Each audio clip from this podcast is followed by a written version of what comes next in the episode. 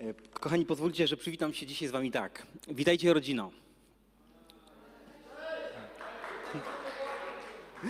E, e, Mówię o tym dlatego, ponieważ kiedy otwierasz słowo, to zobaczysz, że Kościół przedstawiony jest w Biblii wieloma obrazami. I jednym z tych obrazów, w jaki sposób przedstawiany jest w Biblii Kościół, to jest obraz domu, obraz rodziny. E, I mówię o tym dlatego teraz, ponieważ e, też dzisiaj doświadczyłem takiego, e, takiej atmosfery i takiego doświadczenia właśnie rodziny tutaj, kiedy przyszedłem. Przyszło do mnie wiele osób, przychodząc, mówiąc, cieszę się, że jesteś, coś mi tam mówiąc, modląc się ze mną, modląc się o mnie. I tak sobie pomyślałem, że jestem w tym miejscu i czuję się tutaj, że nie tylko jestem zaproszony przez Pana Boga, ale jestem w tym miejscu również chciany. I każdy z nas jest zaproszony i każdy z nas jest chciany przez Pana Boga. On jest Bogiem otwartych ramion e, i te otwarte ramiona wyraża również przez nas, przez swoje dzieci. E, I to jest wspaniałe to widzieć, wspaniałe jest też to podkreślać. E, Kościół, który jest domem, kościół, który jest kościołem zaangażowanym. Ja zawsze to mnie porusza, jak widzę tutaj Zbyszka latającego przed nabożeństwem, aby wszystko grało, było takie. Zawsze mnie to porusza, jak widzę Grzesia, resztę chłopaków, Michała, Maćka, którzy angażują się też w to, abyście wy tam teraz e, w jakichś transmisjach, teraz czy w przyszłości mogli nas oglądać. E, Za tym stoją konkretni ludzie. E, To jest wspaniałe, że my jako Kościół jesteśmy inni. Nie wiem, czy wiecie, że słowo święty, kadosz, ono dosłownie oznacza inny. I my jesteśmy również inni. Ta inność się wyraża w tym, dzisiaj popatrzyłem z Elą na Konrada ubranego w puchówkę, w sweter, e, jeszcze mu zimno i Rajniego w podkoszulku. Jesteśmy inni. Każdy z nas jest inny. Kiedy jesteśmy w Jezusie, również jesteśmy święci. To jest fenomenalne i piękne.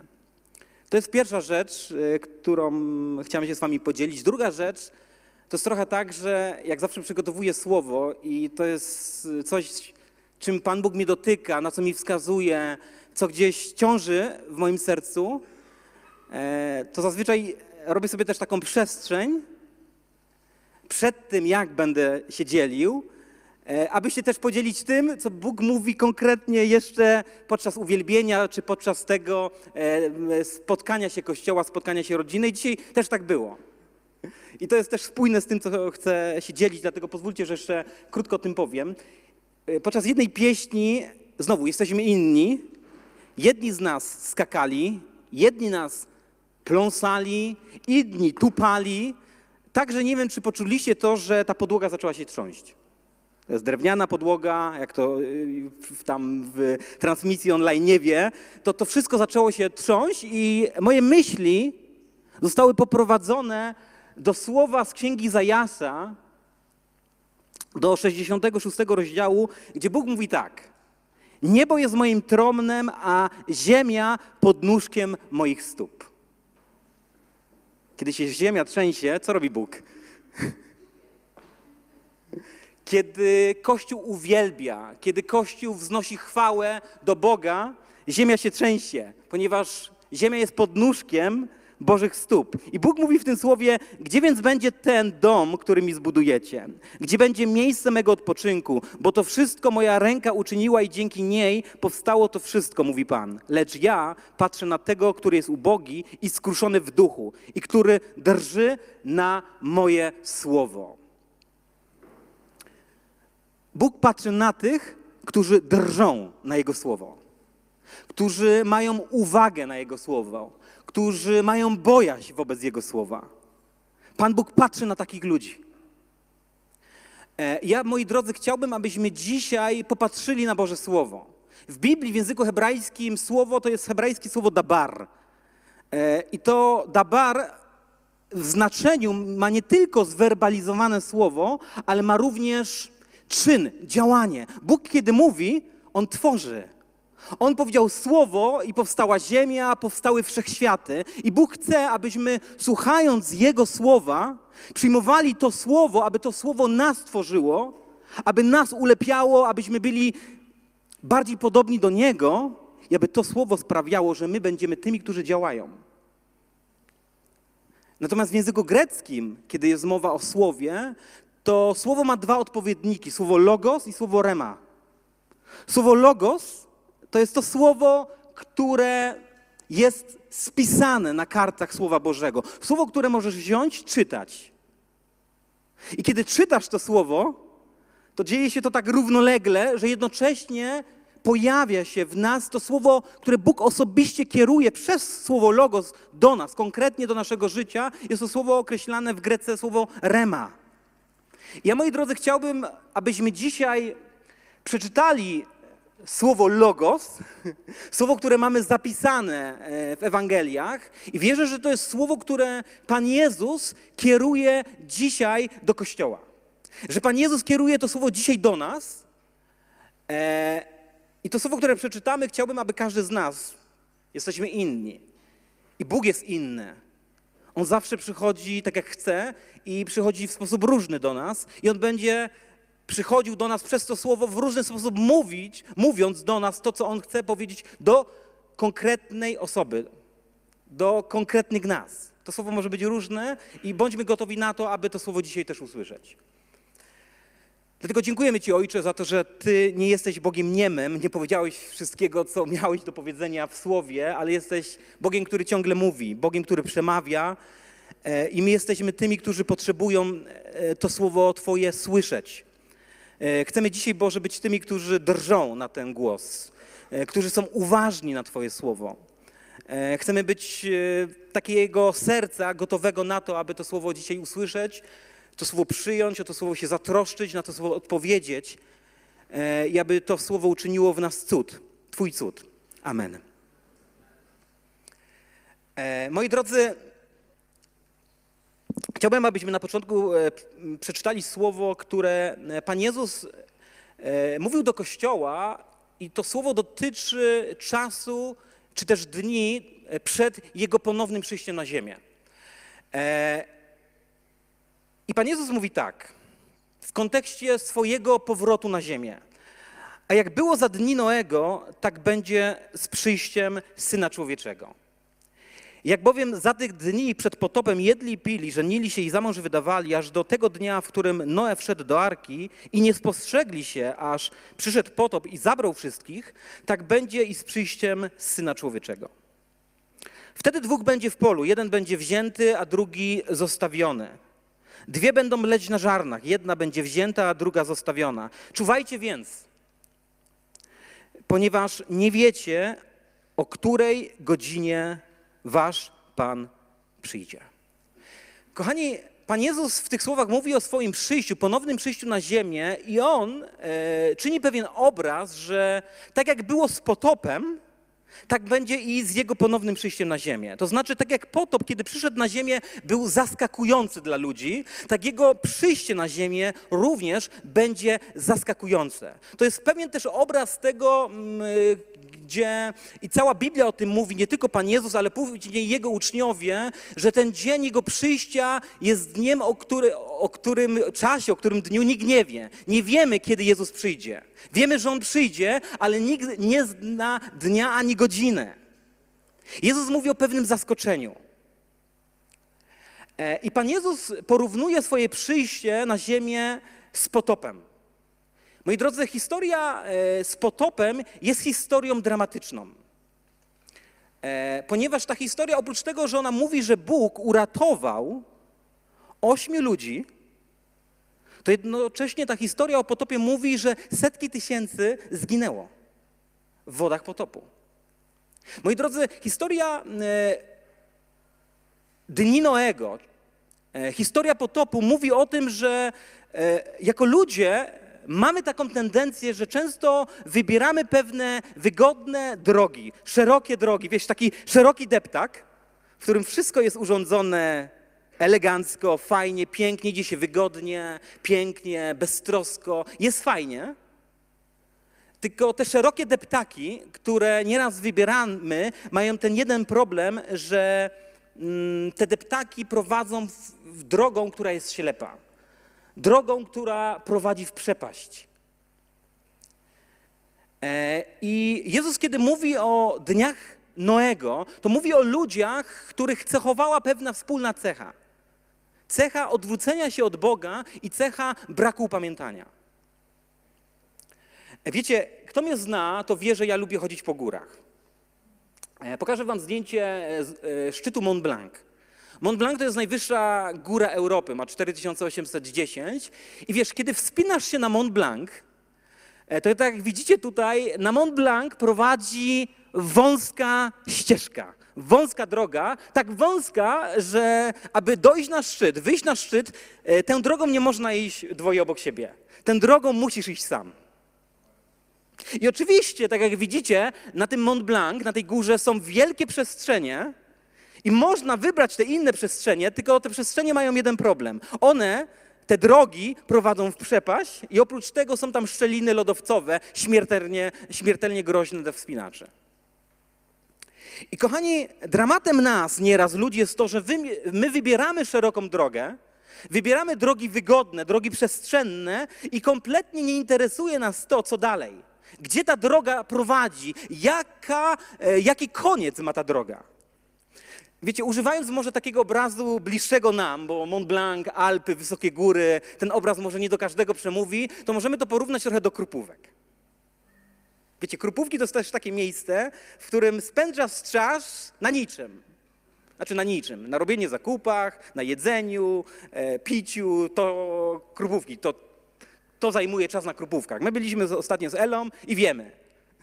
My generalnie jesteśmy ludźmi celowymi, mamy zadania, cele i czynimy je, ale na krupówkach po prostu tak spędzaliśmy czas.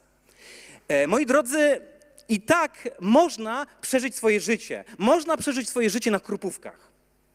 Można przeżyć swoje życie, gdzie najważniejsze jest, abyś miał co jeść, abyś miał co się ubrać, abyś miał pracę, abyś mógł więcej hajsu zarobić, abyś mógł sobie lepszy samochód kupić, nową chatę może postawić. Wiecie, e, to wszystko jest ważne, ale problem jest, kiedy to wszystko, co powiedziałem, staje się dla nas najważniejsze. Kiedy się staje najważniejsze, mamy problem. I Pan Jezus mówi, że w dniach Noego żyli ludzie, którzy żyli właśnie tymi rzeczami, które wymieniłem, gdzie one były dla nich najważniejsze. Oni byli zaabsorbowani sami sobą. Nie byli zaabsorbowani Bogiem. Stąd też nie usłyszeli Boga, co mówił o potopie, że przychodzi potop. E, I kochani, to jest też pytanie dla nas, które wierzę, że Bóg kieruje do swojego kościoła, e, gdzie my spędzamy swoje życie, gdzie my żyjemy jako kościół. Czy my jako kościół żyjemy na krupówkach? Czy żyjemy w tym, że jesteśmy w tym miejscu, wychodzimy z tego miejsca i bardzo szybko e, to, co najważniejsze, to staje się to, co wokół naszego życia jest najważniejsze i tym trzeba się zająć. W szczególności w dobie kryzysu. Jest tyle rzeczy, którymi trzeba się zająć. I czy to wszystko staje się dla nas najważniejsze, czy żyjemy jednak tym, co jest najważniejsze dla Boga? I czy stawiamy sobie właściwe priorytety? Gdzie my spędzamy nasze życie? Jak my żyjemy? To jest pytanie, które Bóg również zadaje nam.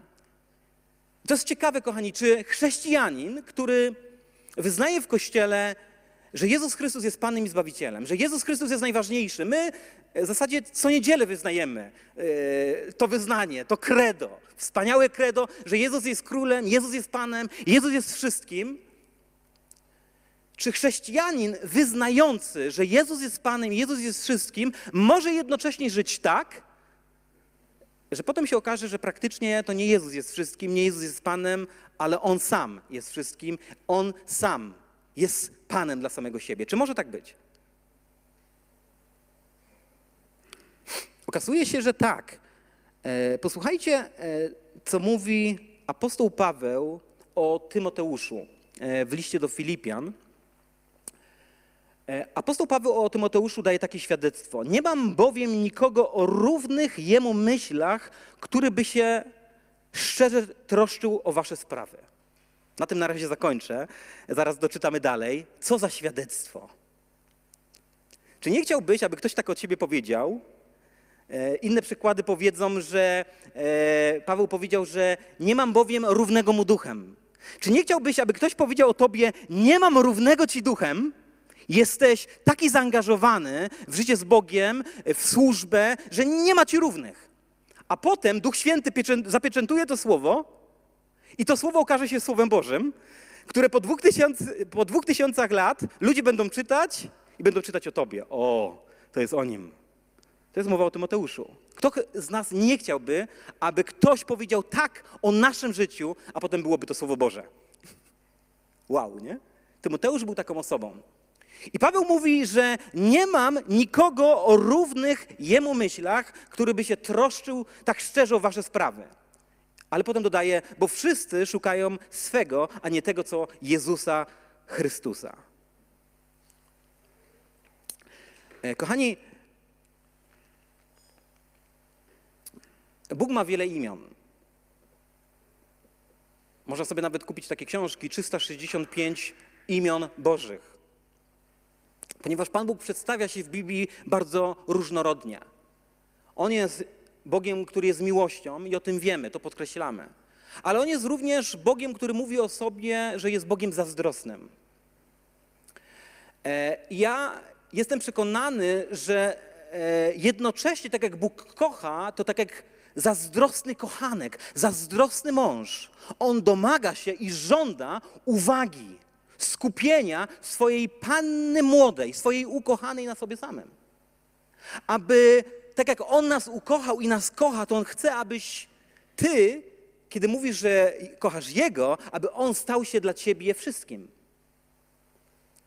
abyś ty troszczył się o jego sprawy bardziej niż troszczysz się o swoje sprawy.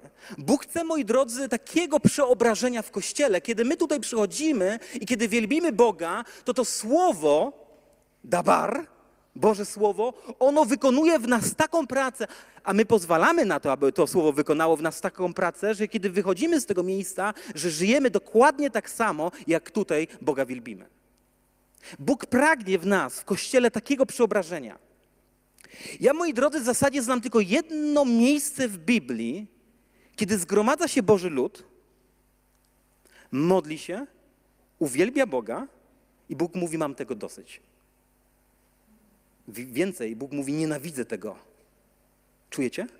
Przychodzimy do kościoła, wielbimy Boga, wywyższamy go, a Bóg mówi: Nienawidzę tego, mam tego dosyć. Kiedy tak Bóg mówi? Bóg mówi, kochani, takie słowa kieruje do swojego ludu, kieruje do, kiedyś do Izraela, może kierować do Kościoła, kiedy nasze życie nie jest transparentne, kiedy nasze życie nie jest spójne, kiedy nasze życie e, nie jest spójne z tym, co wyrażamy tutaj w Kościele, a później w jaki sposób żyjemy na zewnątrz. Moi drodzy, Pan Bóg reaguje w taki sposób, kiedy my przyzwyczajamy się do takiego życia, że po prostu tak jest. Przychodzi się do kościoła, by wielbić Boga, a potem jest życie. A życie ma tysiące różnych rzeczy i, i myśmy, myśmy, my się przyzwyczajamy do takich rzeczy. Chcę powiedzieć, że Bóg się nie przyzwyczaja. Bóg nie przyzwyczai się do tego, że Jego Kościół będzie inaczej wyrażał słowa uwielbienia do Niego, słowa to, w jaki sposób chce żyć, a potem będzie żył inaczej. Bóg się do tego nie przyzwyczai. I moi drodzy, kiedy tak jest, e, kiedy e, my jedno mówimy, a drugie na przykład czynimy, ja wierzę, że kiedy stajemy tutaj w tym miejscu i modlimy się, e, aby Bóg stał się dla nas wszystkim, to potem Pan Bóg jest tym, który On się dopomina o to, aby faktycznie w naszym życiu była ta przestrzeń już w codzienności na to intymne spotkanie się z Nim. Kiedy wiecie, modlimy się, to jest mm, taka ważna dla nas modlitwa o przebudzenie na przykład kraju. O to, aby w kraju nastała zmiana, duchowa zmiana, to kiedy modlimy się tutaj o to i kiedy wychodzimy z tego miejsca i nie wykorzystujemy okoliczności, chwil, momentów do tego, aby w różny sposób podzielić się z kimś Ewangelią, to nie idziemy za tym słowem, e, które tak ekspresyjnie nieraz wypowiadamy, wołamy. Moi drodzy, tak naprawdę naszym życiem poza Kościołem, naszymi decyzjami, naszymi wyborami poza Kościołem, tak naprawdę ta rzeczywistość pozakościelna decyduje o tym, czy naprawdę Bóg jest naszym Panem. Czy naprawdę Bóg jest dla nas wszystkim. E, Jest takie słowo, mm, które zapisuje Jakub, apostoł, e, który mówi, że Bóg jest tym, który zazdrośnie pożąda ducha, którego w nas utwierdził. Bóg jest tym, który utwierdził w nas swojego ducha. On dał nam swojego Ducha Świętego. Duch Święty jest jedno z Ojcem i Synem. I Bóg, który dał nam swojego ducha, on zazdrośnie pożąda tego ducha, którego w nas utwierdził. Tak, że duch, który wskazuje na Jezusa, duch, który jest jedno z Ojcem i Synem, to Bóg pragnie, aby nasze życie było właśnie w taki sposób połączone z Ojcem, Synem i z Duchem, abyśmy czynili to, co czyni On. I On pragnie, On pożąda, aby ten duch działał w nas i wyrażał przez nasze życie Boże działanie, gdziekolwiek się pojawimy, gdziekolwiek jesteśmy i cokolwiek robimy. I moi kochani, e, w zasadzie chcę powiedzieć, że ja codziennie w zasadzie odpowiadam na, różnego rodzaju pytania. Ludzi, którzy do mnie e, no zazwyczaj piszą na Messengerze najczęściej, e, tak jest, że jakoś e, tak się zdarza, czy na mailach. Nieraz dostaję różnego rodzaju pytania. I zdarza się, że ludzie pytają mnie, czy mówią, czy dzielą się ze mną, że nie czują w sobie mm, Jezusa obecności. Nie wiem, czy tak może mm, też masz, że nieraz jest coś takiego, że jesteśmy w kościele i nie czujemy tego, żeby Jezus był z nami. Nie czujemy Jego bliskości, nie czujemy Jego obecności i może nam się wydawać to takie dalekie i nieraz rodzą się w nas te szczere pytania, dlaczego ja tak mam? Dlaczego jest tak, że może inni no, mają to doświadczenie, że Bóg jest z nimi, a ja tego nie mam? Kochani, w Biblii to jest ciekawe, my nieraz szukamy odpowiedzi na takie pytania, a Słowo Boże nam daje konkretną odpowiedź. Dlaczego nieraz tak jest? Moi drodzy, w Biblii ta obietnica Jezusa, że On jest ze swoimi dziećmi, jest wyrażona między innymi w tym, że Jego dzieci będą tymi, którzy będą przekazywali Jego Słowo, którzy będą dzielili się Ewangelią. Posłuchajcie, jeden z najbardziej znanych e, słów, które powiedział Pan Jezus, idźcie więc i nauczajcie i chrzcijcie narody w imię Ojca, Syna i Ducha Świętego. Czytamy, ucząc je przestrzegać wszystkiego, co wam przekazałem, a oto ja jestem z wami przez wszystkie dni, aż do końca świata. Czyli jeżeli chcesz doświadczenia Jezusa w swoim życiu, to kiedy modlisz się, kiedy przychodzisz do kościoła, wielbisz Go, kiedy czytasz Jego Słowo, to czyń to, do czego wzywa Cię to Słowo i będziesz miał doświadczenie, że On jest z Tobą. To znaczy, kiedy będziesz głosił Ewangelię, to będziesz miał doświadczenie, że tak jak Jezus powiedział, On jest z Tobą. Kiedy będziesz dzielił się Ewangelią, doświadczysz również, że Ewangelia jest mocą, potężną mocą ku zbawieniu. E, Jezus nie powiedział od tak, że Ewangelia jest mocą, my dzielimy się Ewangelią i nigdy nie doświadczamy tej mocy. I mówimy, tak jest napisane, to mówimy, ale praktyka mówi co innego. Nie. Jezus mówi, że Ewangelia jest mocą. Kiedy my dzielimy się Ewangelią, będziemy doświadczać tego, że ona jest mocą. I moi drodzy, zobaczmy, w jaki sposób to realizowa realizowali pierwsi uczniowie, e, pierwsi apostołowie, e, e, których powołał Pan Jezus. Kiedybyśmy się przyjrzeli, oczywiście moglibyśmy tutaj nie tylko powoływać się na świadectwa apostolskie, ale na świadectwa bohaterów wiary, o których już Biblia nie mówi. Być może moglibyśmy się powołać tak naprawdę na świadectwa wielu z nas. Ale kiedy patrzymy na życie Piotra, to zobaczmy, czym i czemu Piotr był totalnie oddany i totalnie zaangażowany. On był, kochani, totalnie zaangażowany w czynieniu woli Bożej i głosząc Ewangelię Jezusa Chrystusa. W co byli zaangażowani totalnie Jakub i Jan? Oni byli totalnie zaangażowani w czynieniu woli Bożej i głoszenie Ewangelii Jezusa Chrystusa. W co był totalnie zaangażowany Paweł Apostoł? On był totalnie zaangażowany w czynieniu woli Bożej, głosząc Ewangelię Jezusa Chrystusa. Kochani, widzicie, to jest to samo. I kiedy, wiecie, mówię też o Ewangelii, o głoszeniu Ewangelii, to też mówię o takim szerszym kontekście, ponieważ kiedy mówimy o głoszeniu Ewangelii, to oczywiście, e, no zaraz nam, e, mamy takie wyobrażenie, ktoś staje i głosi Ewangelię. Ale głoszenie Ewangelii to jest coś więcej. Biblia mówi o głoszeniu Ewangelii, że to jest również opieka nad ubogimi, nad słabymi. Y, To jest to, co y, Natalia z Krystianem dzisiaj, o czym będą mówić i co będziemy też y, chcieli się dołączyć to w Kościele. Troska o najuboższych. To też jest głoszenie Ewangelii. Głoszenie Ewangelii to jest nasza codzienność, to jest nasza zwyczajność, to jest to, tam gdzie jesteś, w konkretnym miejscu. Czy jesteś blisko dla ludzi i szukasz takich momentów, szukasz tak, takich okoliczności i myślisz tym sposobem, w jaki sposób mogę komuś opowiedzieć coś, co poprowadzi go do, Jezu- do Jezusa. Wiecie, Paweł Apostoł powiedział o sobie, że jestem dla Żydów jak Żyd, dla e, poganów jestem jak poganin, dla słaby jestem jak słaby, dla wszystkich stałem się wszystkim. Byleby tylko. Kogo można pozyskać dla Jezusa? Kochani, o to chodzi. Czy jesteśmy w miejscu na przykład naszej pracy, tam gdzie pracujemy, e, tej myśli, że praca nie dana jest tylko nam do tego, abyśmy hajs zarabiali. Ale praca jest miejscem naszego powołania, miejscem naszej misji. My czasami, kiedy mówimy o powołaniu, to nam się wydaje, że powołanie to jest tylko bycie pastorem, nauczycielem Bożego Słowa, ewangelistą, e, w grupie uwielbienia, jak ktoś stoi, no to ma powołanie, a jak się nie, nie załapałeś, no to, no to jakie powołanie? Bóg powiedział i mówi, ja powołuję. On powołuje, On powołuje każdego. E, I też jesteś powołany do tego tam, gdzie pracujesz, tam, gdzie mieszkasz. Jesteś powołany, abyś w tych miejscach był świadkiem Jezusa. To jest pytanie, czy ludzie, z którymi pracujesz, czy oni wiedzą, kim jesteś?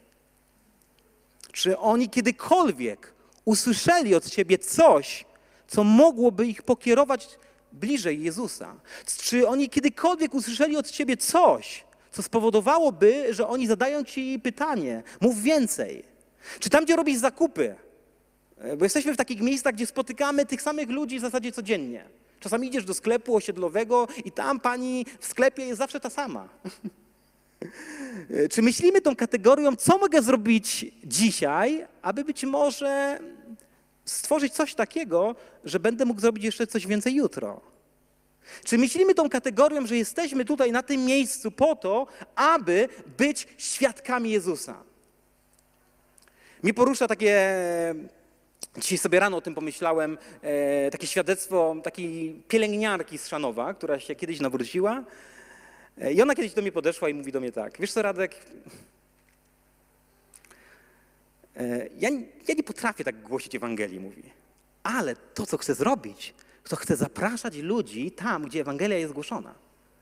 Ja kiedy w Szanowie organizowałem różne wydarzenia ewangelizacyjne, na przykład balet Magnificat, to Jela przychodziła do mnie i mówi do mnie, wiesz co, Radek, ja wezmę 100 biletów. Co? 100. Bo ja je rozprowadzę po szpitalu, e, daj mi je, potem ci zapłacę. E, I faktycznie rozprowadziła 100 biletów. Jest balet Magnificat, jest występ. Ja wychodzę na zewnątrz Domu Kultury i patrzę i przyjeżdża wielki autokar. I wychodzi z tego auto, autokaru Jola. I za nią e, cała ekipa chmara ludzi, która, których ona zaprosiła. Wiecie, dla każdego jest miejsce do służby, dla każdego jest to miejsce, aby się zaangażować w niesienie, głoszenie Ewangelii, które nie zawsze musi być związane z to, że stajesz na piedestale i przemawiasz. To jest coś o wiele więcej, coś o wiele szerzej. I moi drodzy, to robili pierwsi uczniowie, to robili apostołowie. Kiedy przeanalizujesz dzieje apostolskie, to one są przepełnione e, tą codziennością. Kiedy, nie wiem, Paweł apostoł e, czeka na, aeropo, na aeropagu, e, na swoich towarzyszy, co robi?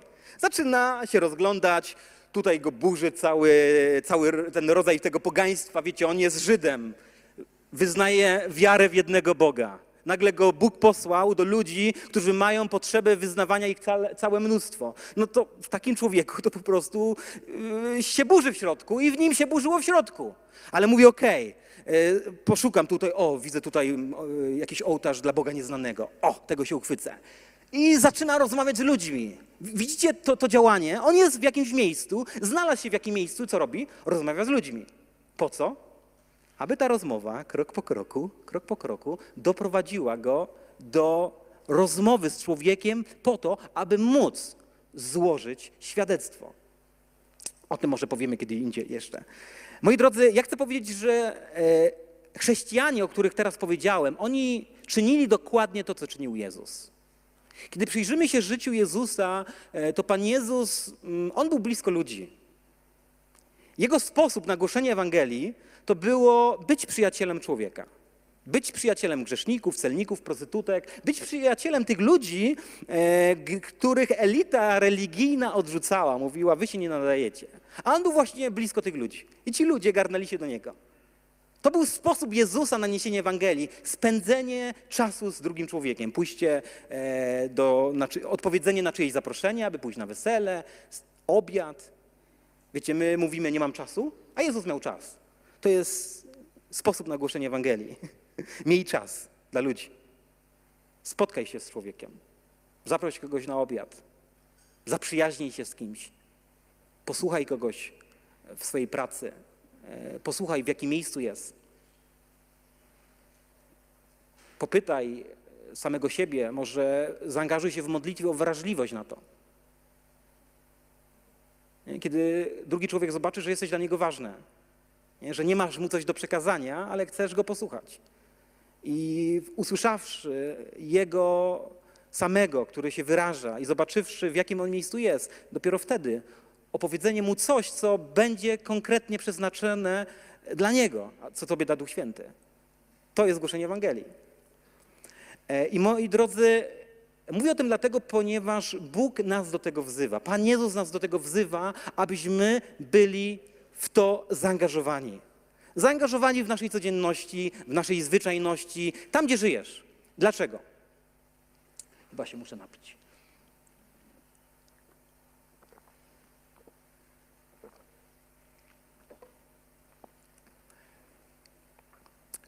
Dlaczego Kościół, dlaczego ty, konkretnie ty, jesteś wezwany przez Jezusa do tego, abyś głosił, dzielił się Ewangelią, abyś myślał tą myślą, w jaki sposób kogoś zdobyć dla Jezusa, w jaki sposób komuś opowiedzieć o Jego Ewangelii.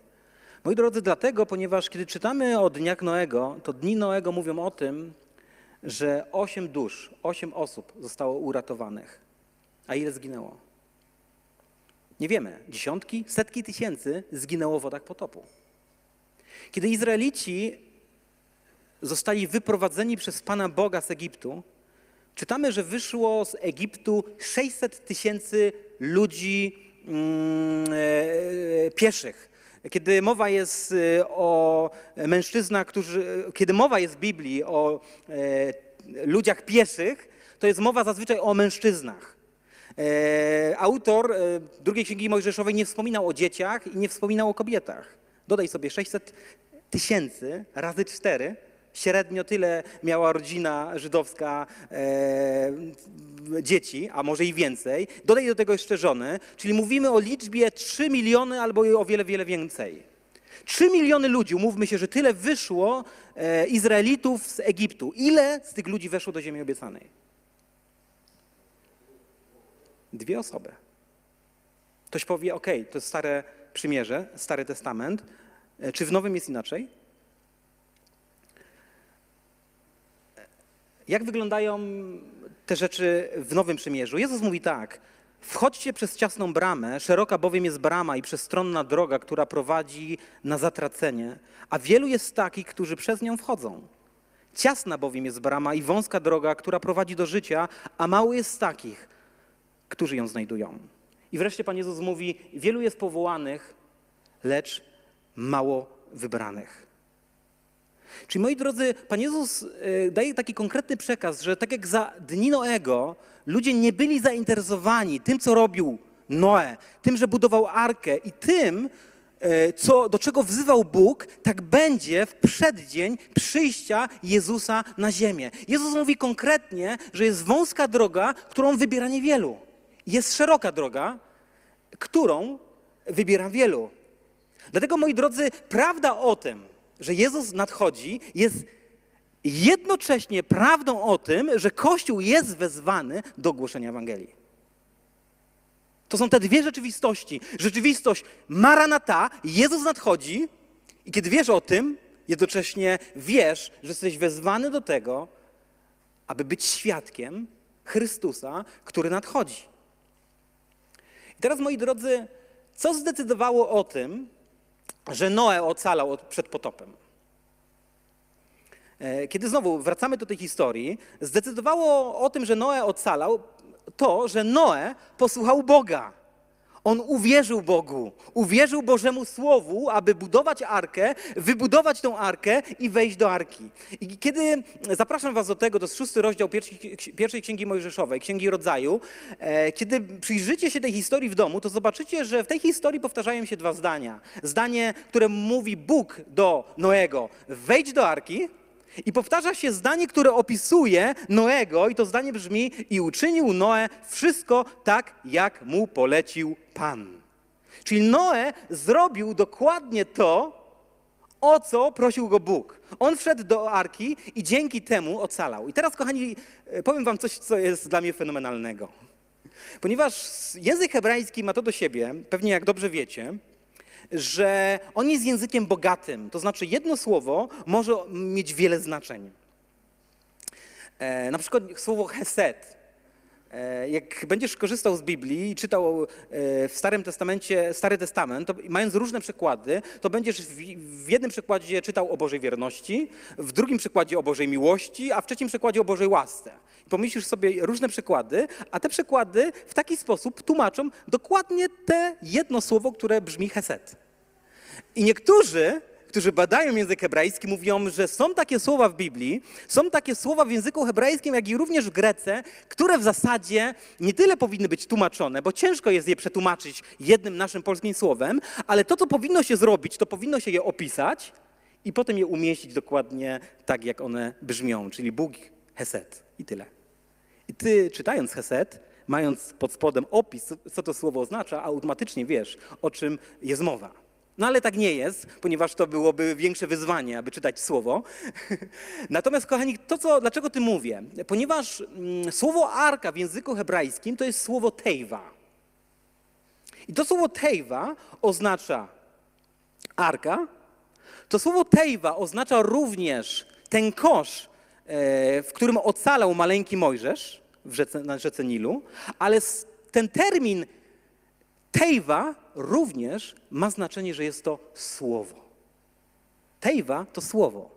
Tejwa to arka i tejwa to słowo. Czyli inaczej, jakbyśmy przeczytali te słowa, którymi Bóg zwraca się do Mojżesza, to moglibyśmy powiedzieć, że Bóg powiedział, e, przepraszam, do Noego, Noe, wybuduj słowo i wejdź do tego słowa.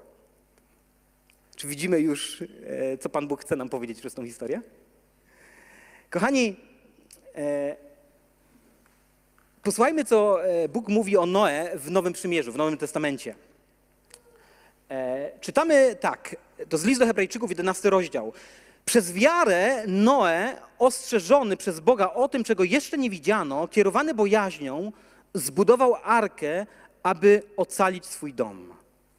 Przez nią też potępił świat i stał się dziedzicem sprawiedliwości, która jest z wiary.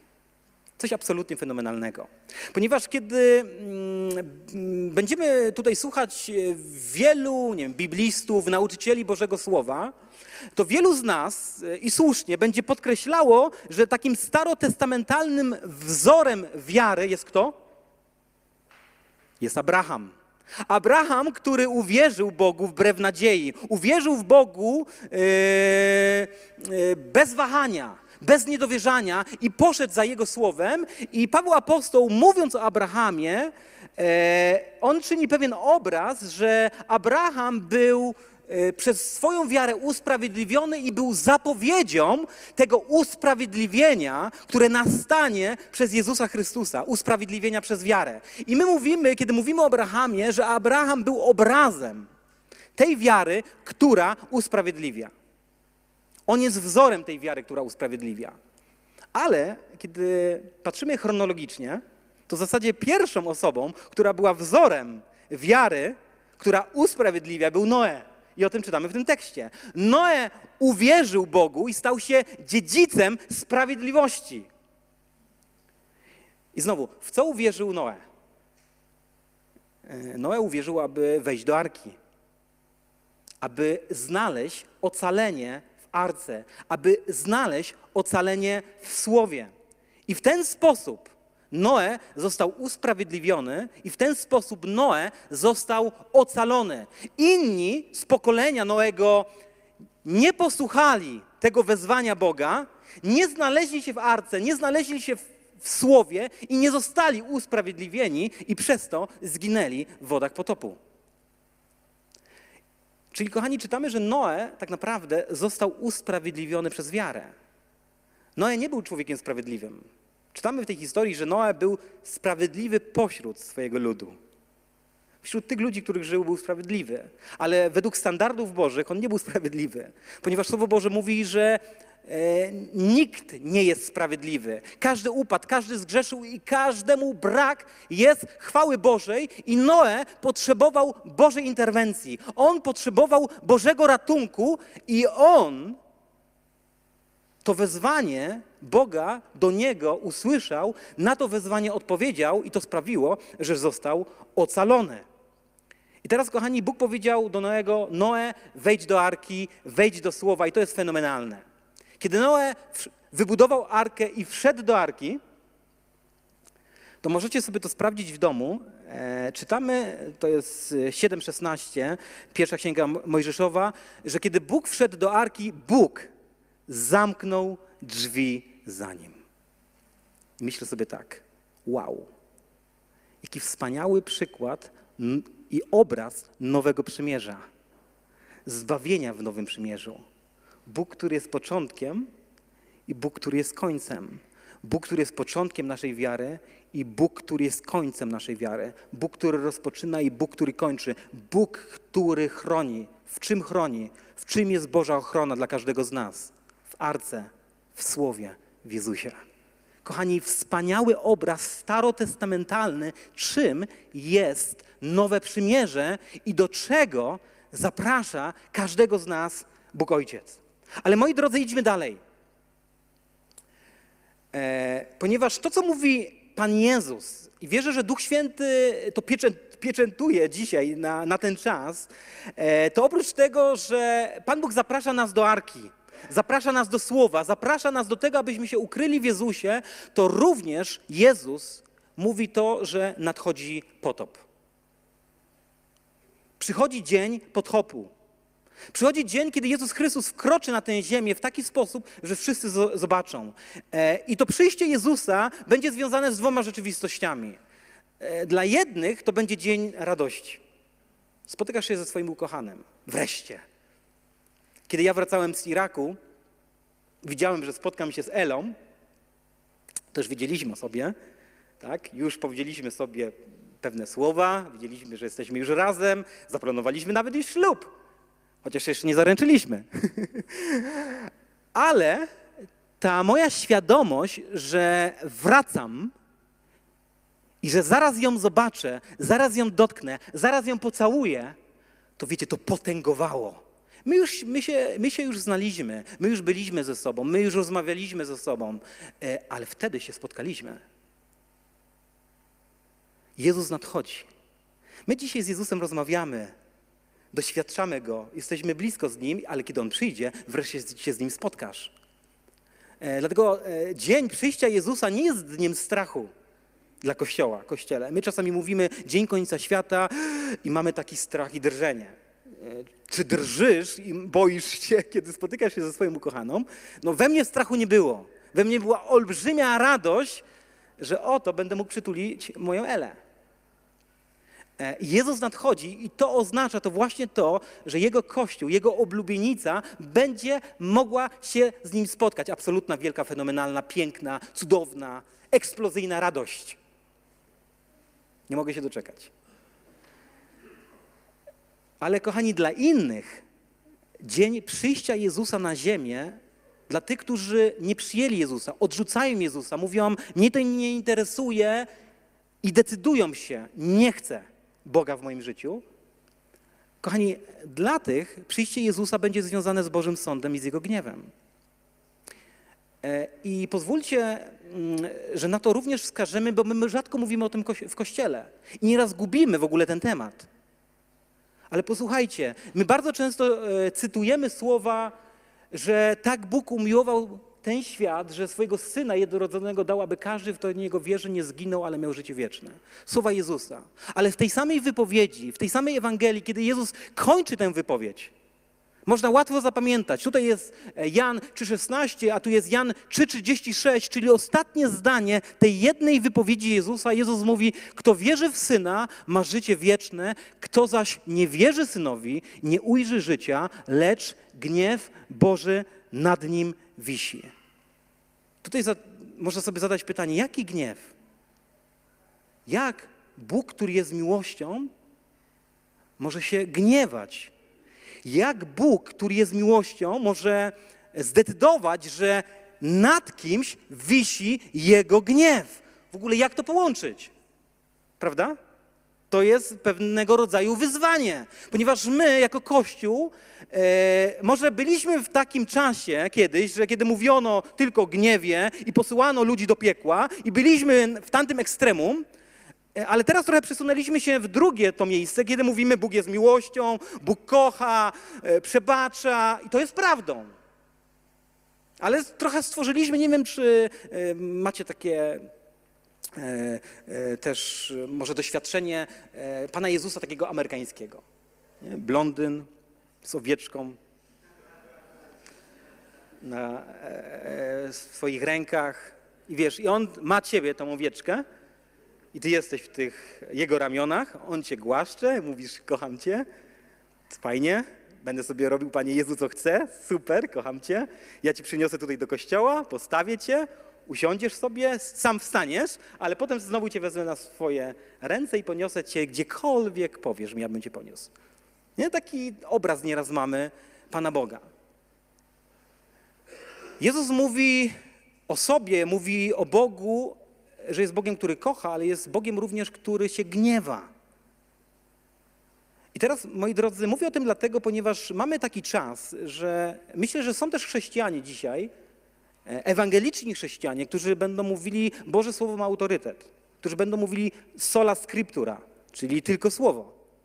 Ale potem ostatecznie okaże się, że tylko Słowo, ale tylko w tym moim wydaniu. To znaczy, Bóg jest miłością i tyle. Dzisiaj jest ten głos, nie wiem, czy go słyszycie. Jakie jest zadanie Kościoła? Zadanie Kościoła jest kochać. Ja nasłuchuję, co dalej, i słyszę ten przekaz, który jest zgłoszony w różnych miejscach, że my mamy kochać ludzi. My mamy tych ludzi, którzy wychodzą, buntują się, różne rzeczy ro robią. My mamy ich po prostu kochać. Mamy pokazać im, że Kościół ich kocha, że Kościół ich nie odrzuca. E, tak, ale słucham dalej i nic nie słyszę. Mamy kochać. Ja chcę powiedzieć, kochani, mamy kochać, ale mamy zrobić coś jeszcze. Mamy podzielić się z nimi Ewangelią. Wiecie, kiedy czytamy o pierwszym kościele, to pierwszy kościół nie był prześladowany dlatego, bo czynił dobrze. Poszedł na cały świat i pomagał ludziom. To nie było powodem ich prześladowań. Wiecie, co było powodem, że Kościół był prześladowany w pierwszym wieku? Było to, że głosił Boże Słowo, Bożą Ewangelię w pełni. Wiecie, dlaczego dzisiaj chrześcijanie są prześladowani na Bliskim i na Dalekim Wschodzie? Oni nie są prześladowani dlatego, bo są mili, uprzejmi i służą innym ludziom. Hej, jeżeli chcesz, to mogę ci w czymś pomóc. Tak, jasne, pomogę ci. A potem muzułmanie im głowy obcinają. Powodem, dlaczego prześladowany jest Kościół dzisiaj na Bliskim i na Dalekim Wschodzie, jest to, że chrześcijanie głoszą Ewangelię. Kochani, to jest powód prześladowań. A my jako Kościół Zachodu, kiedy mamy wolność słowa, nie jesteśmy prześladowani, mówimy, mamy tylko kochać. I teraz, moi drodzy, mówię o tym dlatego, ponieważ jesteśmy wezwani do głoszenia Ewangelii, ponieważ Bóg jest miłością, ale Bóg jest również ogniem pochłaniającym. Bóg jest łaską, jest dobrem, dlatego przyszedł Jezus Chrystus na ziemię. Ale On jest również tym, który mówi, że kiedy przyjdzie ten czas ostatni i kto stanie przed Jego obliczem nieusprawiedliwione, darmo, z łaski, przez przelaną na Golgocie, na krzyżu krew Jezusa, ten spotka się z Jego sądem i z Jego gniewem. Kochani, taka jest prawda o Bogu, który nam się przedstawia w swoim Słowie. My musimy Go znać jako Boga, który kocha, jako Boga, który jest miłością, jako Boga, który jest zazdrosny, jako Boga, który będzie sądził i który wyrazi swój gniew na wszelki grzech, który nie jest usprawiedliwiony przez ofiarę Jego, jego Syna na krzyżu.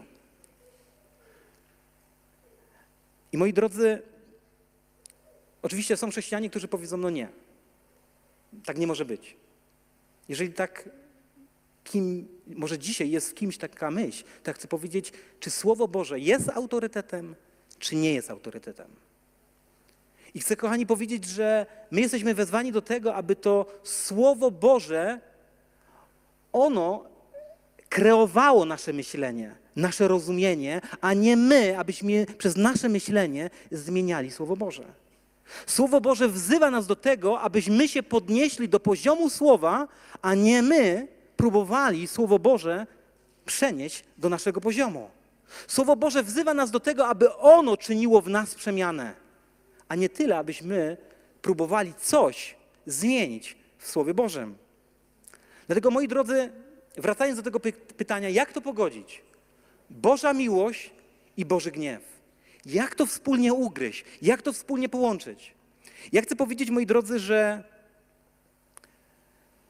to, co ja widzę, że Boża miłość jednocześnie z Bożym gniewem w najpełniejszy sposób została objawiona właśnie na Golgocie, objawiona w krzyżu Jezusa Chrystusa. Kochani, w jaki sposób objawiona została miłość w krzyżu Jezusa? Możemy zadać sobie pytanie, dlaczego Jezus przyszedł na ziemię? Przyszedł z powodu miłości. Przyszedł z powodu tego, że Bóg kocha. Bóg pragnie zbawienia każdego. Bóg pragnie zbawienia. Bóg ma to pragnienie. Jeżeli moglibyśmy sobie zadać pytanie, jakie Bóg ma pragnienie, jaką Bóg ma wolę, ja odpowiadam: Ty jesteś wolą Bożą, Ty jesteś Jego pragnieniem. Pan Bóg chce Ciebie mieć jak najbliżej. Dlatego nie oszczędził syna swego, aby posłać go na ziemię, aby on oddał za nas swoje życie. To jest Boża miłość, która została wyrażona na krzyżu. Jezus rozpostarł swoje ramiona, cierpiał. W tym jednym momencie zawołał: Boże mój, Boże mój, czemuś mnie opuścił, ponieważ stał się grzechem, i na ten jeden moment Bóg odwrócił od niego wzrok. Po to, aby Bóg nie musiał nigdy odwrócić wzroku od nas, ponieważ Jezus za to zapłacił. Tak, my mamy pewność, że będziemy i jesteśmy połączeni z Bogiem. To jest dobra nowina. I to jest dobra nowina, która mówi o Bożej miłości. Kochani, Jezus Chrystus umarł na krzyżu zamiast nas w zastępstwie za nas. I teraz, mówiąc słowami proroka Izajasza, możemy powiedzieć tak. On był przybity, przebity za nasze grzechy, zdruzgotany za nasze winy. Bóg zwalił na niego winy nas wszystkich. I w tym słowie objawiony jest Boży gniew. Moi drodzy, Jezus został zdruzgotany na krzyżu pod ciężarem Bożego gniewu wyrażonego w grzech, w nasz grzech. Ale ten Boży gniew nie został wyrażony w stosunku do nas, ale został wyrażony w stosunku do Jezusa, który w taki sposób zaangażował się w Twoje i moje zbawienie, w taki sposób utożsamił się z naszym życiem i również z naszym grzechem, że Słowo Boże mówi, że On stał się grzechem. Dlatego wszelki gniew został skierowany na krzyżu na Jezusa, który umierał na krzyżu zamiast nas, który złożył swoje życie w zamian nas, abyśmy nie musieli spotkać się z Bożym gniewem, słusznym gniewem spowodowanym naszym grzechem. Moi drodzy, jeżeli ktoś pyta, jak wygląda grzech, jeżeli ktoś pyta, jak wygląda Boży sąd i Boży gniew nad grzechem, ja mówię, popatrz na krzyż Jezusa. Krzyż Jezusa i Jezus na krzyżu pokazuje nam skutki grzechu. I pokazuje nam również Boży sąd i Boży gniew nad, nad grzechem. Owszem, Jezus nie zgrzeszył, ale tak jak powiedzieliśmy, Jezus wziął nasze grzechy na siebie i zapłacił, przyjął Boży sąd i Boży gniew na samego siebie, abyśmy mogli być, kiedy uwierzymy w Jezusa, usprawiedliwieni. Kiedy Ty uznajesz Jezusa swoim Panem, uznałeś Jezusa swoim Panem, to możesz być pewny, że Twój grzech tam na krzyżu 2000 lat temu został zdruzgotany, potępiony. I dzisiaj jesteś czysty, dzisiaj jesteś sprawiedliwy, usprawiedliwiony, piękny, święty. O tym mówi Ewangelia. Ewangelia mówi, że to się stało przez ofiarę Jezusa na krzyżu. Kochani, dobra nowina, która mówi, że Bóg jako święty i sprawiedliwy okazał słuszny gniew. Ale okazał go nie wobec nas, ale okazał go wobec swojego syna, ukochanego, umiłowanego jedynaka. A nam co okazał? A nam okazał swoją miłość. I wiecie, słysząc tę Ewangelię i głosząc w taki sposób Ewangelię, że mamy problem, problem grzechu, problem, który oddzielił nas od Boga i problem, który sprowadza na nasze życie gniew. Boży gniew, bo Bóg jest święty. A to, co święte, kiedy przychodzi, to, co grzeszne, nie może się ostać. I kiedy słyszysz Ewangelię, że Bóg spowodowany miłością, aby ocalić nas od potopu, aby ocalić nas od słusznego Jego gniewu, posłał na ziemię swojego Syna, aby On wziął na siebie ten gniew. To jeżeli ktoś jest troszkę wrażliwy, jeżeli ktoś słucha, to nie może się tym nie przejąć. Nie może nie zareagować, tak jak zareagowali kiedyś e, ludzie na słowa Piotra Apostoła, mówiąc mu, Piotrze, więc co mamy robić? On mówi, ochrzcijcie się. I czy tysiące ludzi się ochrzciło i zostało zbawionych. Moi drodzy, krzyż Jezusa pokazuje nam, że w tym jednym momencie Bóg pokazał w krzyżu Jezusa i swoją miłość, i swój gniew. Powtarzając, gniew skierowany był wobec Jezusa. Jezus wziął Boży gniew na siebie, a nam dana została Jego miłość. I wiecie, kiedy my nawet mówimy o nawróceniu, kiedy my mówimy o zbawieniu, to to jest fenomenalne, aby sobie to uświadomić, że my nie jesteśmy zbawieni z tego powodu, że e, coś powiedzieliśmy i wyznaliśmy Jezusa, e, nie wiem, ileś lat temu swoim Panem i Zbawicielem. My zostaliśmy zbawieni, ponieważ dwa tysiące lat temu Jezus Chrystus umarł za nas. I to było i dało nam możliwość, abyśmy mogli stanąć przed Jezusem i powiedzieć: Panie Jezu, tak, staję przed Tobą i wyznaję, jestem pożałowania godny. Potrzebuję Ciebie, potrzebuję ratunku. I Jezus nas podniósł do godności Syna. Wiecie? To jest fenomenalne, aby to sobie uświadomić. My zostaliśmy zbawieni nie przez to, że my coś zdecydowaliśmy ileś lat temu, ale że Bóg coś zdecydował dwa tysiące lat temu. I to dało nam możliwość, otworzyło drogę w ogóle, że możemy mówić o zbawieniu, że możemy mówić o tym, co dzisiaj tutaj mówimy i że możemy być tutaj i stać tutaj jako Boży Kościół, jako Jego ulubienica. Amen? Kochani, dlatego e, to, do czego wzywa nas dzisiaj Pan Bóg, to wzywa nas właśnie każdego z nas do tego, abyśmy zbudowali arkę i weszli do arki.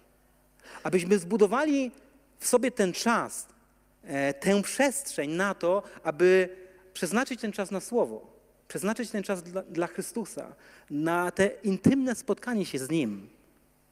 I abyśmy weszli w Chrystusa weszli w to, co On zrobił dla nas na krzyżu, to, co On dokonał dla naszego zbawienia na krzyżu, abyśmy weszli w nowe przymierze. Kochani, o tym mówi to słowo. Nie w stare przymierze, bo my w chrześcijaństwie bardzo często, pomimo tego, że jest nowe przymierze, wybieramy jednak stare przymierze, próbując Bogu coś udowodnić. A nowe, stare przymierze polegało na tym, że Bóg zawierał je z człowiekiem. Ale człowiek ciągle to przymierze łamał przez swoje nieposłuszeństwo. Dlatego to, co zrobił Bóg, to Bóg dał nam nowe przymierze, które Biblia nazywa lepszym przymierzem, czy inaczej mówiąc, doskonalszym przymierzem. Czym różni się nowe przymierze od starego przymierza? Nowe przymierze Bóg nie zawarł z nami.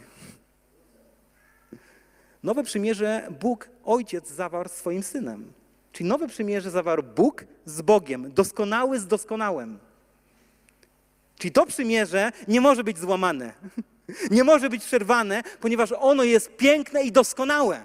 I teraz Jezus mówi do nas: wejdź to przymierze, wejdź w arkę, znajdź się w tej arce, a będziesz bezpieczny. I nie tylko będziesz bezpieczny, ale weźmiesz cały ten pakiet, o którym mówi Nowe Przymierze. Będziesz moim synem Będziesz moją oblubienicą, moją panią młodą. Wszelkie błogosławieństwo nieba zostanie ci dane i zostaniesz posłany. Żyj w tym. To jest wezwanie, o którym, kochani, mówi to słowo. I teraz, kiedy my jesteśmy w Nowym Przymierzu, powoli zmierzamy e, ku końcowi, powoli. Kiedy my jesteśmy, kochani, w Nowym Przymierzu, e, to Pan Jezus mówi takie słowa e, do Kościoła. Poproszę o slajd.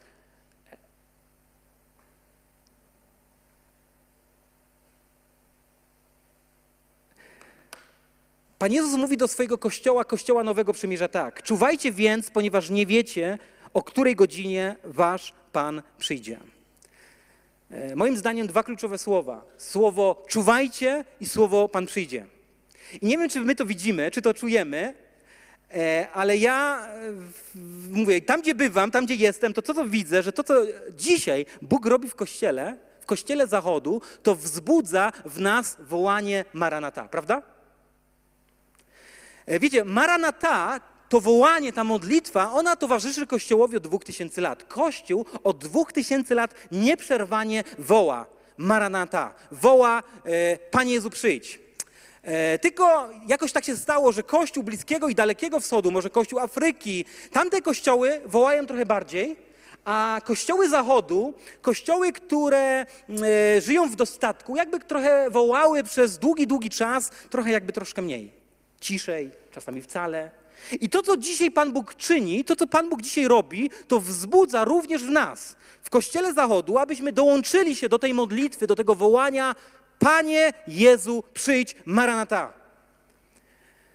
No ale z tym wołaniem rodzi się taki problem, e, że czasami są ludzie, którzy mówią, wiesz co, ja mam problem, aby wołać Maranata, ponieważ, ponieważ ja nie czuję się gotowy dzisiaj na to, aby Jezus przyszedł.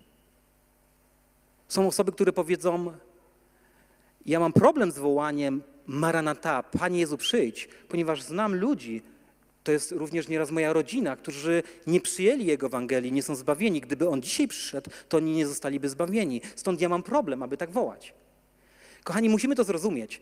Modlitwa Maranata nie jest tylko modlitwą Panie Jezu, przyjdź, ale to jest taki rodzaj życia, którym ty jesteś gotowy, i to jest taki rodzaj życia, w którym ty nie popuścisz, nie odpuścisz okazji, aby nie złożyć świadectwa w każdym miejscu i przed każdym człowiekiem, którego Bóg tobie daje. To jest modlitwa Maranata. Zobaczcie, kochani, kiedy pierwszy Kościół żył tę modlitwą Maranata, tym oczekiwaniem, że Jezus nadchodzi, to dobył mm, Kościół absolutnego wpływu, pomimo prześladowań. To był Kościół, który bardziej niż to życie cenił sobie to życie wieczne, powiedział, że Jezus nadchodzi, oni spędzą wieczność z Jezusem. I oni pomimo prześladowań wiedzieli, że będą prześladowani, ale byli gotowi stawać przed cesarzami, namiestnikami, urzędnikami, poganami, ludzi, ludźmi im nieprzychylnymi, którzy kierowali ich osoby do koloseów, w których byli pożerani przez lwy, poszarpywani przez psy, y, byli paleni na stosach, krzyżowani tak jak ich Pan, Jezus Chrystus, ale oni byli gotowi zapłacić taką cenę głoszenia Ewangelii, ponieważ wiedzieli, i żyli tym przekonaniem: Pan nasz przychodzi. To jest Maranata. Mara, maranata nie oznacza, że ty siedzisz, stoisz i wołasz: Jezu, przyjdź, i wychodzisz z tego miejsca i robisz i kręcisz się wokół swoich rzeczy, tylko, ale Maranata oznacza, że ty wołasz: Jezu, przyjdź jesteś gotowy na Jego przyjście. W tej gotowości opowiadasz innym, że Jezus Chrystus przychodzi, głosząc Ewangelię. Moi drodzy, to jest obraz Maranata. Jezus mówi, wołając Maranata, wołając o moje przyjście, Jezus mówi, czuwajcie. Kościele, czuwajcie, to jest to drugie słowo. E, I chcę powiedzieć troszkę o tym, ponieważ na naszej grupce piątkowej Troszkę o tym też rozmawialiśmy i były pytania, kiedy? Kiedy to stanie się? Czy możemy przewidzieć? Ja chcę powiedzieć, że to nie jest zadanie Kościoła. Jezus mówi o tym dniu, nikt nie wie. Mówi o tym, żeby wszyscy wiedzieli. Nikt nie wie. Nie wiemy o tym I y, nie jesteśmy wezwani w kontekście czuwania, abyśmy spekulowali, kiedy Jezus przyjdzie, zastanawiali się nad tym, szukali takich informacji, bo ich nie znajdziemy. Byli tacy chrześcijanie w historii, którzy to robili i zawsze sprowadzali na chrześcijaństwo pewnego rodzaju śmieszność. My nie jesteśmy wezwani do tego, abyśmy wyznaczali dni, godziny przyjścia Jezusa, ponieważ Jezus mówi wyraźnie, o tym nikt nie wie. Ale co mamy robić? Mamy czuwać. Moi drodzy, w jaki sposób czuwać? Bardzo prosto. Czuwać to znaczy być w arce, być w Jezusie, być w Nowym Przymierzu i będąc w Nowym Przymierzu, będąc w Jezusie, będąc najbliżej Jego, znać Jego pragnienia i czynić Jego pragnienia tutaj na ziemi. A powiedzieliśmy, Jego pragnieniem jest, aby każdy mógł usłyszeć Jego Ewangelię i każdy mógł zostać zbawiony. Czyli kiedy Ty znasz Jego pragnienie, to co robisz? Głosisz Ewangelię. I moi drodzy, apostoł Piotr, kiedy wspomina o dniach Noego, on pisze tak. Bóg cierpliwie czekał za dni Noego, kiedy budowano arkę, w której tylko niewielu, to jest osiem duch, dusz, ocalało przez wodę. Czytamy tutaj, że w dniach Noego Bóg cierpliwie czekał. Kiedy wziąłbyś tutaj Grekę, dosłownie tłumacząc, to można byłoby to oddać, że Boża cierpliwość czekała. Moi drodzy, na co Boża cierpliwość czekała w dniach Noego? Kochani, czekała na to, aby ludzie z czasów Noego usłyszeli Boże wezwanie: wejdźcie do arki. Aby nie musiało, nie tylko ocalało osiem ludzi, ale aby ocalało ich całe mnóstwo. Bóg cierpliwie na to czekał. Nie ma zapisane w Biblii dokładnie, ile Noe budował, ile lat budował arkę, ale można, jeżeli ktoś wnikliwie czyta, dojść do takiego e, wniosku, że budował tę arkę 100 lat. 100 lat Bóg cierpliwie czekał na tamtych ludzi, aby odpowiedzieli na wezwanie Boże. Kiedy wreszcie Noe zbudował arkę i wszedł do tej arki, to czytamy, że nim spadły wody potopu, minęło jeszcze 7 dni. Czyli Noe spędził 7 dni w arce, nim e, spadły wody z nieba. Co przez te dni się działo? Bóg cierpliwie czekał. Bóg jest tym, który również, kochani, dzisiaj cierpliwie czeka. Posłuchajcie, co mówi Piotr. Piotr mówi tak: Nie zwleka Pan ze spełnieniem obietnicy, jak niektórzy uważają, że zwleka. Są dzisiaj tacy ludzie, którzy mówią: Jezus, dwa tysiące lat minęło. Może i był. Może powiedział, że przyjdzie ale dwa tysiące lat nie przychodzi. Są dzisiaj tacy ludzie, którzy tak jak kiedyś, tak i dzisiaj chcą stanąć w takim miejscu wyszydzenia, wyśmiania chrześcijaństwa. I Piotr mówi odpowiedzi na to, nie zwleka Pan ze spełnieniem obietnicy, jak niektórzy uważają, że zwleka, ale okazuje względem nas co? Cierpliwość, nie chcąc, aby ktokolwiek zginął, lecz aby wszyscy doszli do pokuty. Bóg cierpliwie czekał za dni Noego i dzisiaj to, co Bóg robi, to okazuje swoją miłość i swoją cierpliwość temu światu. I moi drodzy, już kończąc, to znowu za dni Noego, to co wydarzyło się w czasach Noego, to również nam pokazuje Bożą miłość i Boży gniew. Bożą miłość wyrażoną w wezwaniu Noego do arki, wezwaniu Noego do ocalenia, wezwania Noego do zbawienia, w tym objawiła się Boża miłość, że Bóg powiedział, że nastanie potop i objawił się Jego gniew, kiedy ten potop przyszedł. I dzisiaj, kochani, jesteśmy w też takim czasie, że Bóg objawia temu światu, objawia swoją miłość. Jak objawił nam swoją miłość? Objawił miłość w krzyżu Jezusa, dając nam zbawienie darmo przez wiarę, dając nam swojego jednaka, ukochanego syna. Rajni, dałbyś swoją dziewczynkę? Na to, żeby została zamordowana z tego powodu, żeby inni ludzie Tobie nieprzychylni, Tobie wrodzy nie musieli zginąć? Nawet nie chcę e, od Rajniego odpowiedzi, ani od Konrada, ani od każdego, kto ma dzieci. Ponieważ, kochani, Boża miłość jest niewyobrażalna, niepojęta. Bóg dał swojego ukochanego jednaka, aby umarł, jak powie Paweł apostoł, za swoich nieprzyjaciół, za wrogów. Bo my w tym momencie, kiedy Jezus Chrystus przychodził na ziemię, byliśmy z powodu naszych grzechów Bożymi wrogami i Jego nieprzyjaciółmi i Bóg w tym momencie, kiedy również nikt do Niego nie wołał o to, aby Jezus przyszedł, aby w jakiś sposób nasze życie przemienić, Bóg to zrobił. I to uczyniło rewolucję. Dzisiaj nazywamy się Jego przyjaciółmi. Jesteśmy Jego synami, jesteśmy Jego dziećmi. To Bóg uczynił przez swoją miłość w naszym życiu i Bóg chce dalej to czynić w życiu innych ludzi. Dzisiejszy dzień mówi o Bożej miłości, ale mówi też o Bożym gniewie, ponieważ Bóg powiedział, że przyjdzie dzień, w którym On objawi swój słuszny gniew na każdy grzech, który nie zostanie skryty w krwi i w osobie Jezusa Chrystusa, który umarł za nasze grzechy na krzyżu. Dlatego, moi drodzy, jeżeli jesteśmy w Jezusie, to chcę powiedzieć, jesteśmy w arce. I arka nie była łajbą rekreacyjną, ale była okrętem ratunkowym. To znaczy, jeżeli jesteś w Jezusie, jeżeli jesteś w tej arce, którą jest Jezus, to nie po to, abyś sobie to życie przeżył. W bezpieczeństwie, takiej rekreacji, jestem zbawiony, jestem bezpieczny, w świadomości tego nawet, co Jezus zrobił, w jaką cenę zapłacił, aby Ciebie zbawić. I w taki sposób przeżył to życie aż do swojej śmierci, albo do czasu, kiedy Jezus przyjdzie na ziemię. Ale Jezus wzywa nas do tego, abyśmy zobaczyli, że jesteśmy na okręcie ratunkowym.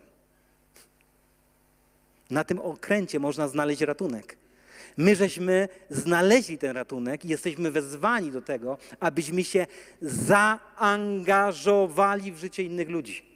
Abyśmy przejęli się życiem innych ludzi, wiedząc, co nadchodzi. Kochani, kiedy pierwszy Kościół głosił Ewangelię, my może już tak nie głosimy, ale kiedy Piotr przemawiał do ludzi, to mówił tak: ratujcie się pośród tego przewrotnego pokolenia. I gdy ludzie to usłyszeli, to powiedzieli, Piotrze, co mamy robić? I przyjęli chrzest. Ja nie chcę mówić, że mamy tak dzisiaj głosić Ewangelię. Ratujcie się od przewrotnego pokolenia, ale to słowo mówi nam o czymś. Ale chcę powiedzieć o tym, że oczywiście Ewangelię możemy głosić w różny sposób. I to też widzimy w Biblii, że czasami ona jest głoszona radykalnie, mocno, bezkompromisowo, a czasami jest głoszona wrażliwie, delikatnie, ponieważ spotykamy różnych ludzi ale jesteśmy wezwani do tego, abyśmy głosili Ewangelię. I kończąc już definitywnie, jeżeli chcemy czuwać, a jesteśmy wezwani do tego, aby czuwać, to moi drodzy, jesteśmy wezwani do tego, abyśmy nie traktowali lekko tego, że jesteśmy w Jezusie, że jesteśmy na okręcie ratunkowym, na tym okręcie, który, w którym możemy być. Tylko dlatego, ponieważ Jezus zapłacił cenę cierpienia cenę swojej śmierci, abyśmy mogli w nim być. To był wielki koszt. Po to, abyśmy mogli zostać zbawieni, ale nie tylko my, ale aby też inni mogli zostać zbawieni. I On tego pragnie. Dlatego przyszedł, aby oddać swoje życie za to. Dlatego nie możemy traktować lekko tego, że my tylko jesteśmy zbawieni, ale jesteśmy wezwani do tego, abyśmy naszą codzienność, naszą zwyczajność użyli do tego, aby komuś o tym opowiedzieć, że jest ta ratunkowa łódź, jest ten ratunkowy okręt, który może i ocali nas od potopu, który nadchodzi. Amen, Kościele?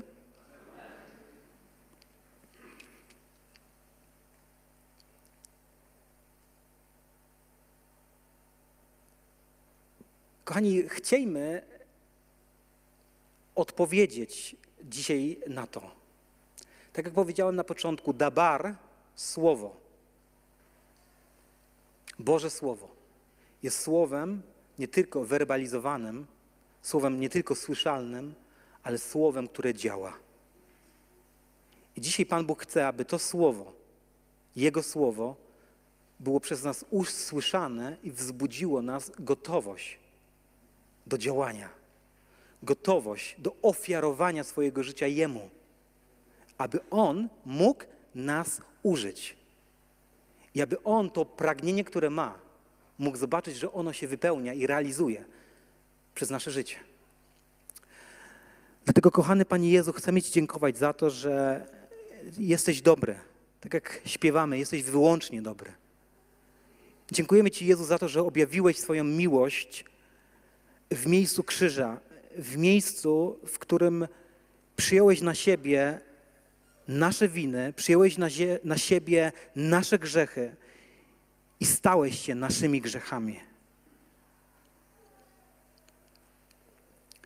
Dziękuję Ci, Jezu, za to, że Ty wziąłeś na siebie sprawiedliwy Boży sąd i Boży gniew. I dziękuję Ci, że umierałeś w zamian nas. I dziękuję Ci, że uczyniłeś to z miłości. I dziękuję Ci, Jezu, za to, że mogliśmy spotkać się z tą miłością, spotkać się z Twoimi otwartymi ramionami. I że mogliśmy się z Tobą spotkać i mogliśmy wejść w Twoje życie. I Twoje życie jest w nas. Chcę Ci, Jezu, dziękować, że jesteśmy w arce, że jesteśmy w Tobie, że jesteśmy w Tobie bezpieczni i że możemy oczekiwać z radością na Twoje przyjście. I dziękujemy Ci, że Ty nadchodzisz i że już niedługo spotkamy się z Tobą. Nie możemy się doczekać.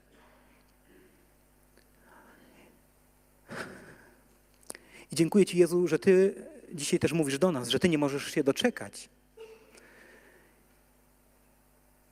Kiedy my w tym naszym niemożeniu się doczekać, przyjdziemy do innych ludzi, będziemy opowiadali im o Tobie, opowiadali im o Twojej miłości. Będziemy im opowiadali o Twojej Ewangelii, która ratuje, która zbawia i która ocala. Dlatego dzisiaj modlę się, aby Twoje dabar, aby mocno stąpiło dzisiaj głęboko w nasze wnętrze, w całe nasze jestestwo. Zajęło nasze myśli, zajęło nasze serce i zmieniło nasze priorytety, zmieniło nasze myślenie, zmieniło nasze zaangażowanie, zmieniło nasze decyzje, nasze wybory, nasz styl życia. Modlę się, Panie, aby Twoje słowo, Twoje dabar, aby pokierowało nas do człowieka. Abyśmy, Panie, uwierzyli, że Twój święty duch jest dany każdemu i że Twój święty duch jest odpowiedzialny za to, co będziemy mówili innym ludziom. I abyśmy uwierzyli w to, że Ty dałeś nam swoją Ewangelię, która jest mocą ku zbawieniu i to ta moc ku zbawieniu otwiera ludzkie serca i zbawia, a nie nasze, Panie, słowa.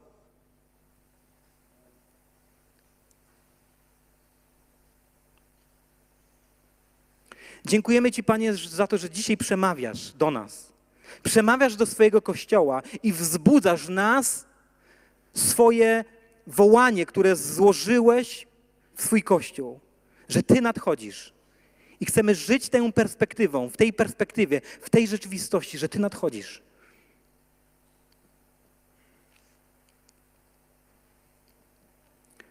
Błogosławimy Ciebie, Panie, i kochamy.